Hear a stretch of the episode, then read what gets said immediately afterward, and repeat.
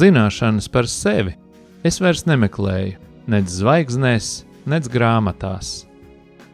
Es tās atrodu, ieklausoties pats sevī.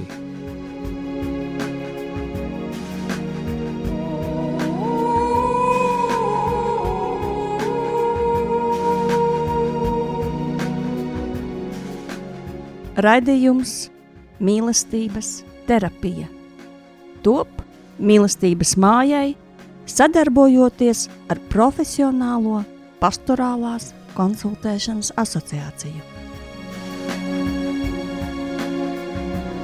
Sarunas par sevi, dzīvi, psiholoģiju un dvēseles terapiju.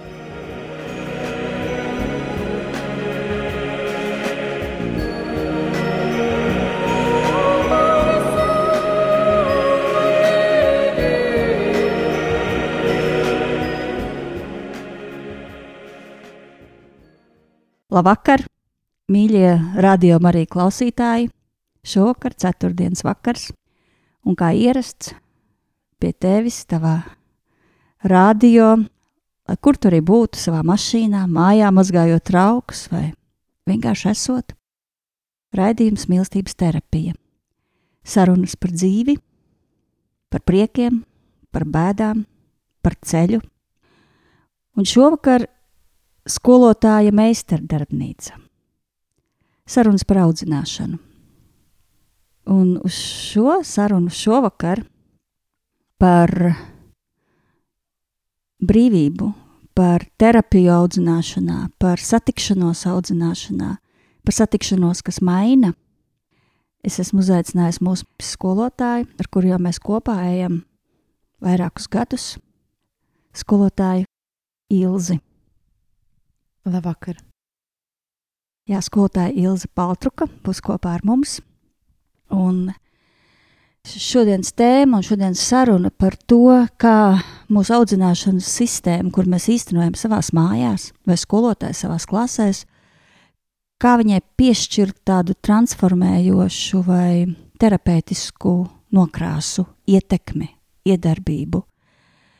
Mūsdienu zinātnieki raksta, ka tas ir ārkārtīgi svarīgi radīt pedagoģiskus modeļus, sistēmas, dažādas tādas priekšlikumus ienest, kas izglītības sistēmai dotu šo transformējošo un terapeitisko iedarbību, jo mūsdienās bērni ļoti cieši.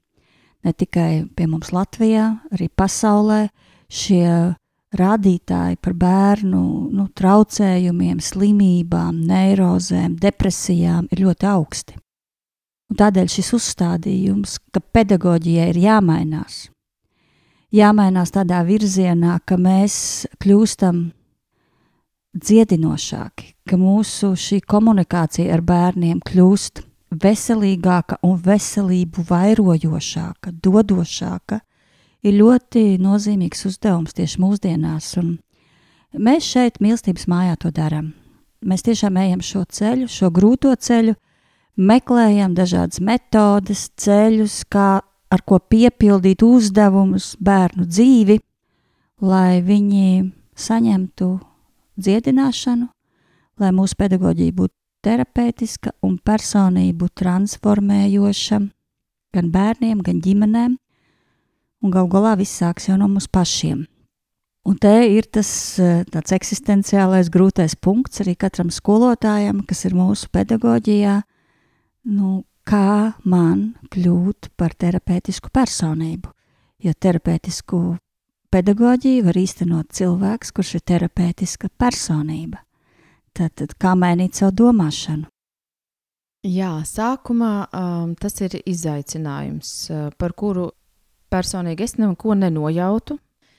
Eh, līdz eh, mani, mani pašas bērni, līdz viņiem bija jāsāk, eh, jāuzsāk mācības skolā.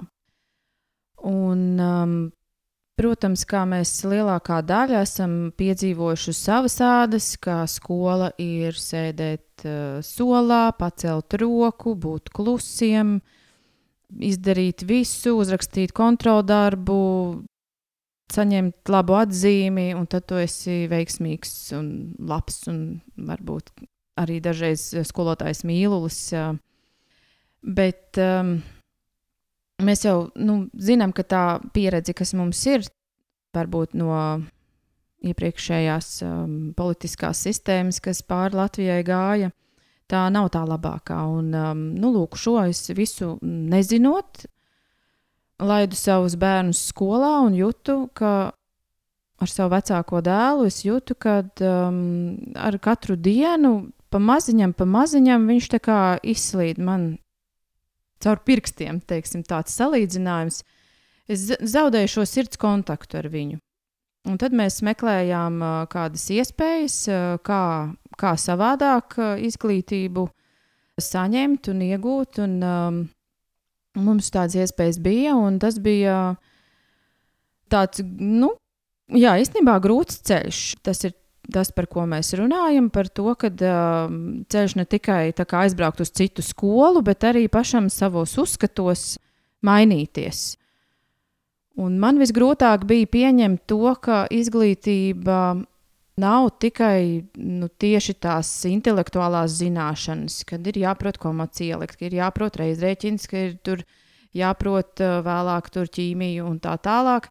Bet um, pieņemt to, ka izglītība ir arī to, ka skolotājs iziet ar bērnu pastaigā ar bērniem, piemēram, ar savu klasi, uh, ekskursijā, mācību ekskursijā un pavada labu laiku kopā ka kopīgs darbs ir izglītība, kopīgi gatavot ēst, ir uh, izglītība un gal galā kopīgi arī pie galda pasēdēt un arī pieklājīgi saklāt galdu un paēst un, uh, un apstāties. Jā. Tas, tas bija vislielākais izaicinājums, jo likās uh, pašā mūsu ceļa sākumā, mūsu ģimenes ceļa sākumā, ka tas ir ka mēs kaut ko zaudēsim, ka viņi kaut ko neiegūs, viņi kaut ko neapgūs, viņi nemācīs matemātiku. Viņi nevarēs, varbūt, un pēc tam jau tās domas aizvarpinās līdz uh, darba devējiem un augstskolām un vēl kaut kur. Un tā, nu, man pašai, kā, nu, nezinot šo, ka man ir tādas domas par izglītību, jā, es ar šo saskāros, un, um, un tad mūsu ceļš atveda līdz mīlestības mājai. Un tas ceļš joprojām turpinās. Mm, es neteiktu, ka viņš ir ļoti viegls, bet uh, nu, pēc diviem gadiem šeit pavadītiem jau ir vieglāk. Un, uh, un tiešām arī nu, priecīgāk un arī piepildās tie vārdi, ka mēs varam vairāk mīlēt savu dzīvi, kāda tā ir.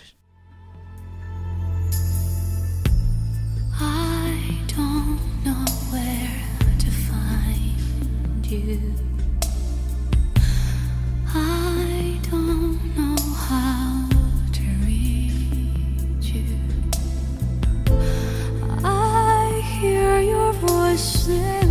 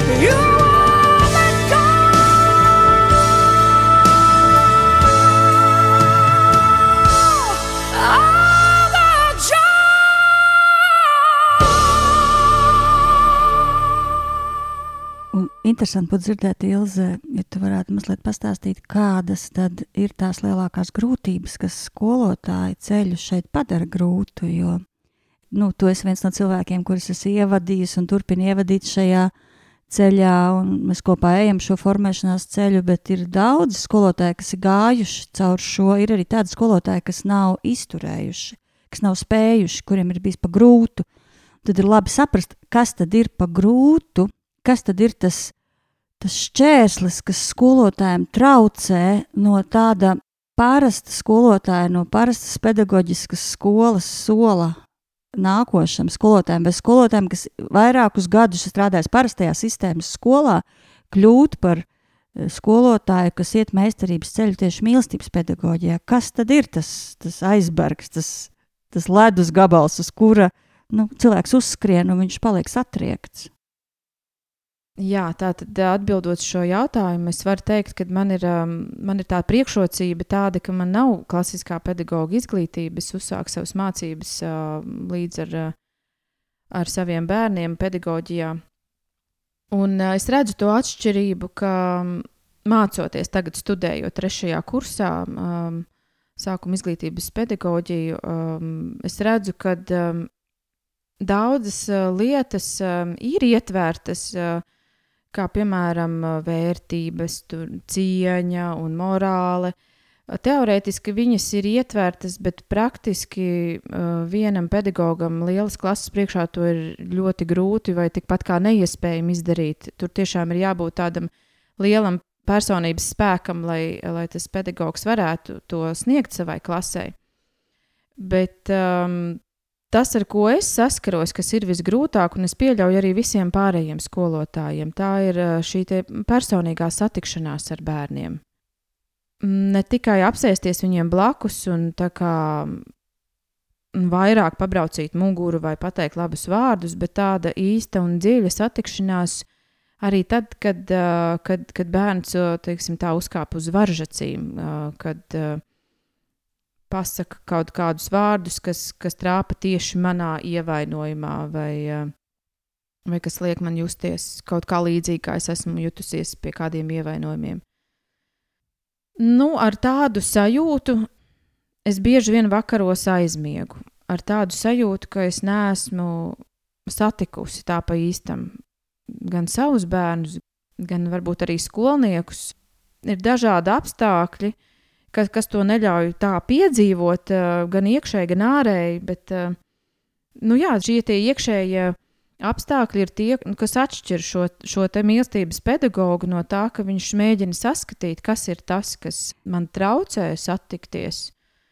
Vai tā ir steidzība, vai tā ir tāda joprojām traucējoša doma, ka uh, vajag vairāk iemācīties no gramatikas. Uh, Vai tas ir pulkstenis, kas saka, tūlīt jāsākās nākamajai stundai, man nav laiks apsēsties un padomāt eh, vai parunāties ar tevi?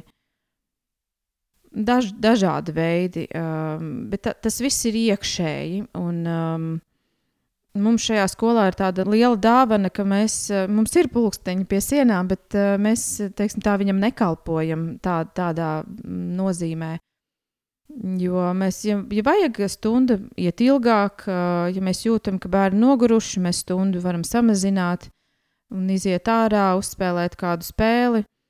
Un, tas dod tādas liels priekšrocības. Bet man personīgi joprojām par to domāju, ar to cīnos, par, par šo satikšanos, kad, ja vakarā gulēt, ejot, es sajūtu to, ka um, es esmu šodien kaut ko palaidusi garām. Kaut kā, nu, neizdevās satikties, no, no sirds parunāties. Jā, mīlestības pedagoģija ir satikšanās pedagoģija. Mēs par to šeit runājam. Varbūt tāpēc Ilze arī satiek šīs ciešanas sevī, un tas ir labi. Tas ir labi, tas jau šīs ciešanas pats par sevi ir ceļš. Un kā satikties dziļāk, kā dzirdēt vienam otru, kā just vienam otru, kā apklust, varbūt kāda ceļam blakus, kā sajust. Bet um, nu, tikpat svarīgi jau ir arī, protams, tā, tā ķīmija, matemātika un fizika. Un, un tur arī ir atbildība skolotājiem, nu, kas arī Ilzē ir ļoti augsta. Kā tad aizvest tos bērnus, lai viņi mums ir talantīgi, lai viņi mums ir konkurēt spējīgi gal galā ar citiem bērniem, kas iet citu ceļu, ja, kas tiek ļoti trenēti. Un šeit jau ir tā lielā grūtība. Skolotājs, arī mamma, es domāju, tur rokās vairākas tādas ļoti nozīmīgas bumbiņas. Vienlaicīgi. Es nedomāju, ka ir ļoti daudz mammas, kas var nu, tikai satikties, vai kas var tikai domāt par matemātiku, vai kas var tikai domāt par ēšanu. Mūsu rokās ir viss. Mums ir jāpabaro bērni, mums ir gribās vēl šo, savu vidi iekārtot, mums ir kaut kādas pašu mācīšanās lietas, un vēl pašai kaut kur jāatrod, jāiziet pastaigāties, un jāatrod spēks, kā to visu paskatīties no augšas. Ir ļoti daudz vienlaicīgi tādas bumbiņas, un, un tas jau ir tāds ļoti dziļš sievietes iniciācijas uzdevums, saprast katru brīdi, kurš ir bu, kura bumbiņa svarīgākā. Mēs jau nevaram tikai satikties. Mums ir arī kaut kas jādara, mums ir jāmācās, bet mums ir arī jāsatiekās. Un kā saprast, kurā brīdī, kā vispār to izšķirt, kurā brīdī, kura bumbiņa ir svarīgāka, tas ir tāds liels sievietes iekšējās gudrības jautājums. Un iekšējā gudrība jau radās nu, ceļā, šajā ceļā, šajās mokās, vakara mokās, kad tu saproti, ka tu intuīcija tev saka, klausies, kaut kas ir paskrējis garām, apstāties un doties dziļumā. Un vispār, Ilza, kā tu atgriezies pie šīs satikšanās, ja tu jūti, kad ir pagājis kaut kas garām? Es uh, mēģinu to nākamajā dienā risināt. Ja ir kaut kas palicis neizrunāts, tad uh, braucot uz skolu, piemēram, mašīnā, mēs ar bērniem uh, izrunājam kaut kādas lietas, um, sakot, klau, vakar tur varbūt ne tik labi sanāca, vai nu, ko tu par to domā. Vai tieši otrādi vakardien tieši labi tev sanāca? Mums bija tāds gadījums ar manu vecāko dēlu. Viņš spēlē mm, sitam instrumentus, un uh, viņam pirmo reizi ir tāds ansamblis, kurā kopā spēlē vairāki bērni. Un, Tā kā es arī esmu spēlējis orķestrī, tad es zināju šo, šo garšu nu, šiem kopā muzicēšanas priekam. Tad uh, tiešām mēs um, braucām mājās un uz, kā, mēģināju uzsvērt šo labo lietu, kas viņam ir. Ka tagad tev arī šī lieta ir un uh, šī kopā muzicēšana. Un, un, jā, un tāds liels prieks, kad uh, atgriežoties pie, pie šīm sarunām, tur, kur man iepriekšējā vakarā ir licies, uh, vai pa dienu, kur varbūt kaut kas ir vēl dziļāk jāpieskaras viens otram, tad uh, tādu lielu prieku var tajos mm, gan bērnu atbildēs sadzirdēt, gan uh, arī tādas patiesas emocijas, ja, piemēram, arī kaut kas sāp vai, vai neizdodas, tad viņam jāiedod šos iedrošinājumu vārdus tālākajā gaitā. Thank you.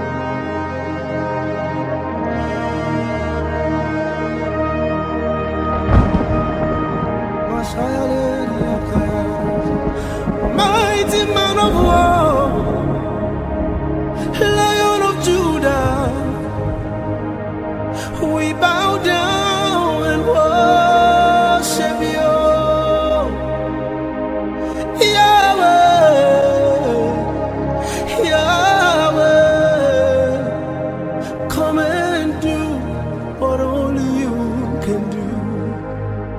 Mighty man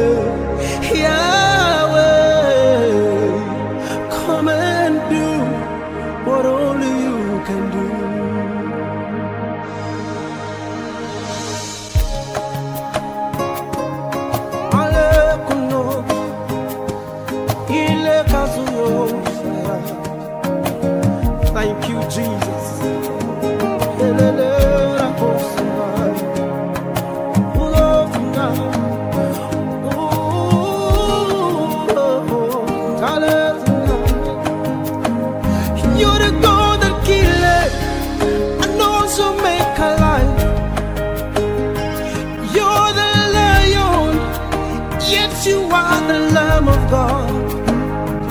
Yahweh,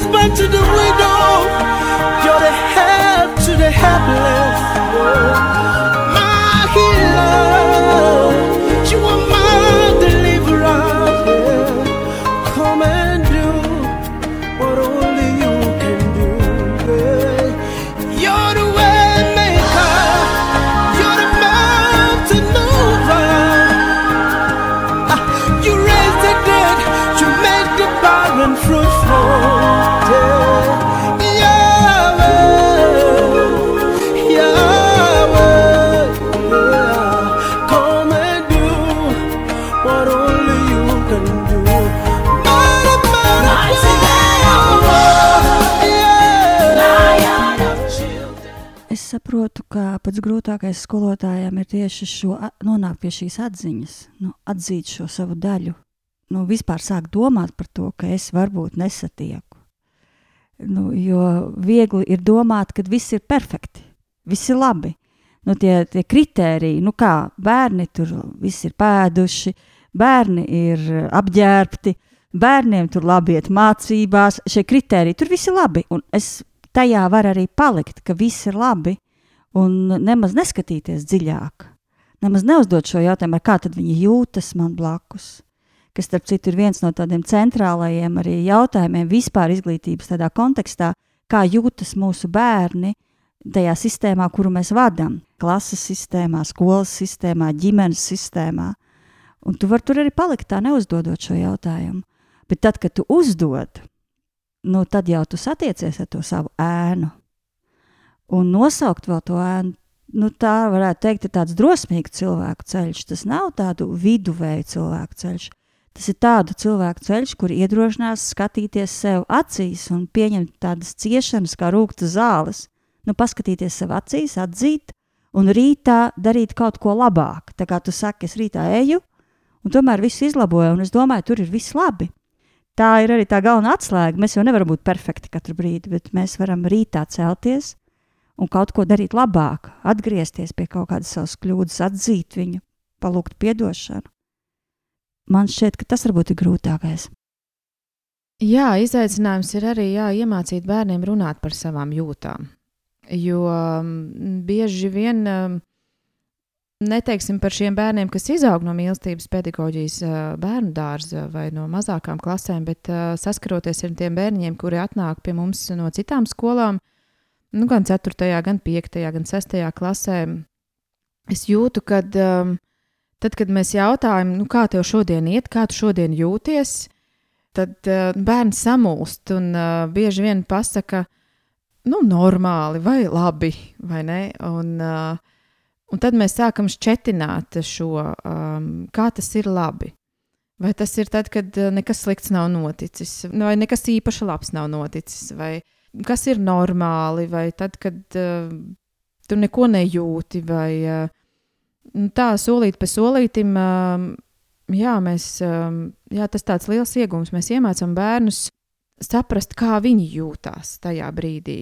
Un tas ir tāds liels ieguvums, kad uh, mums arī viena, viena mamma atzina, kad, uh, jā, ka bērns ir iemācījies pateikt, kas viņam kaiš, vai kā viņš jūtās, vai kāda ir viņa vajadzība.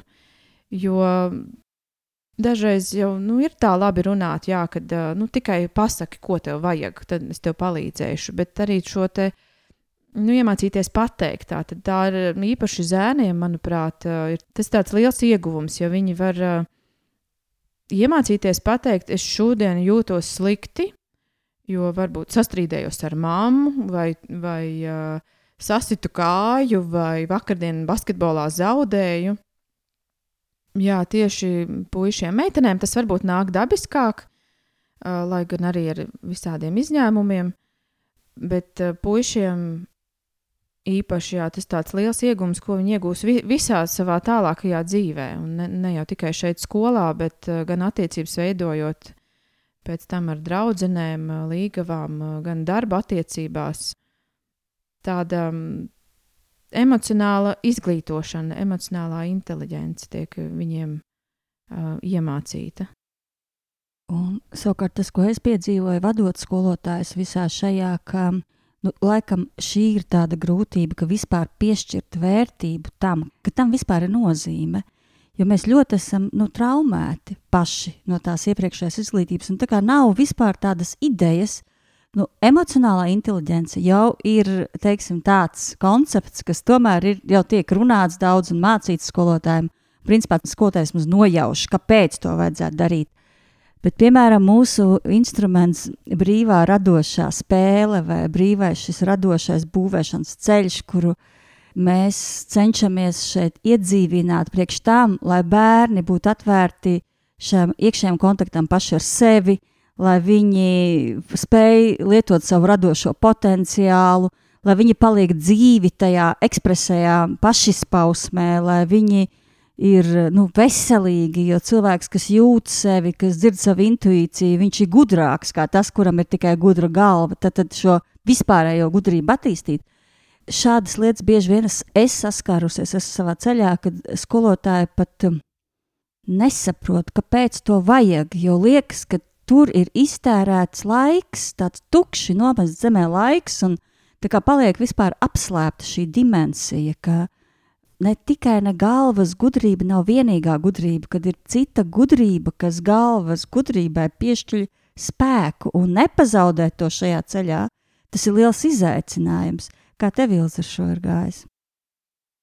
Ir tā bijis, ka man tiešām sākumā likās, ka mēs jau neko neizdarām. Sēžam uz grīdas savā aplītī un vienkārši viņa pastāsta, kā vakardien neizgulējās un kā šodien nejūtās labi. Un man ir tā tiešām šķitis, ka, tas, nu, ka mēs neko neizdarām, ka tas ir tukšs nomests laiks. Bet, uh, nu, jā, tikai varbūt uh, pēc diviem, trim gadiem pavadītiem es sāku tam redzēt ļoti lielu vērtību. Nu, jā, tā tad līdzsvarot izglītību, izglītību, kas transformē, izglītību, kas maina. Tādu rokās var paņemt cilvēks, kas ļaujās šim pārmaiņu ceļam, kas ļaujās šai terapeitiskajai iedarbībai uz sevi. Un tad tu pats sāc redzēt dziļāk, tu satiekot sevi dziļāk, vari satikt bērnus dziļāk, tu atverot savu radošo potenciālu, var iedot telpu otram cilvēkam, bērnam, lai viņš varētu to savējo platformu attīstīt, un tā iedarbojoties, mēs ejam uz priekšu, mēs ejam uz priekšu veselības virzienā. Tas ir arī mūsu mīlestības pedagoģijas viens no centrālajiem uzdevumiem. Bija jauki būt ar tevi kopā šajā vakarā, un kā vienmēr mēs gribam noslēgt eh, šo sarunu ar lūkšanu. Lūkšanu par tevi, kas audzina savus bērnus, tur, kur tu esi lai Dievs tev dod šo svētā gara dāvanu, iet šo terapeitisko dziļās redzēšanas un jūšanas ceļu.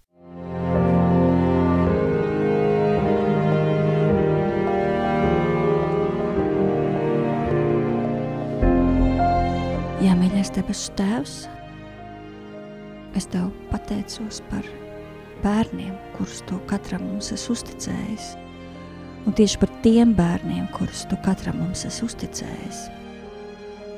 Es te pateicos par viņu dvēseli, par viņu garu, par viņu miesu, par to, kā viņi redz pasauli, par viņu atšķirīgumu. Un pateicos par mums blakus, un ka mēs esam skolnieks un skolotājs, un pēc tam mainamies vietām skolotājs un skolnieks, ka bērni mūs māca un mēs mācām viņus. Es lūdzu, kungs, ka tu dod žēlastību katram, kuram blakus ir bērni, atvērties šim apmaiņas procesam, piedzīvot šo satikšanos, šo spēju just, spēju nolaisties līdz šiem bērnības dziļumiem, ieiet šajā bērna uztverē, bērna priekā, mācīties no bērnu sirdīm viņa gudrību un otrādi. Dod mums žēlstību piedzīvot bērnus, ar kuriem mums ir kontakts un kuri grib mācīties no mums, ka mēs visi esam līdzsvarā. Un es lūdzu svētā gara dāvanas katram skolotājam, katram vecākam, ka skolotājs iet šo skološanās ceļu vispirms sevī un piedzīvot to, cik labi, ka tam seko bērni un ka mēs visi esam ceļa biedri. Kungs, ņem no šiem pirmotnējiem materiāliem, kungs, ar kuriem tu veidoji cilvēku, veido svaidījumu liec uz mūsu acīm. Kungs, lai visas zvīņas nokrīt tās, kuras neļauj mums redzēt vērtību, satikšanās nozīmīgumam, satikšanās priekam. Apstādini laiku, kungs, mūsu prātos, lai mēs varam piešķirt vērtību un nesteidzību mirklim, kad mēs klausāmies, kā stāsta, ko es uzzīmēju, vai kā man gāja vakar basketbola spēlē, kāds bērns. Tiešām mums katram dod žēlstību, kungs, apstāties pašam sevi un uh, ieraudzīt bērnus, kuri arī vēlas apstāties un nesteigties. To visu mēs lūdzam Dieva tēva, dēla un svētā gara vārdā. Āmen!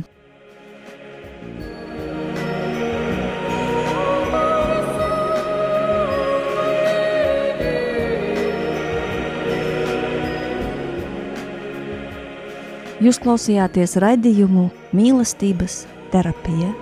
Raidījums var noklausīties Radio Marija mājaslapas arhīvā un YouTube kanālā Mīlestības māja.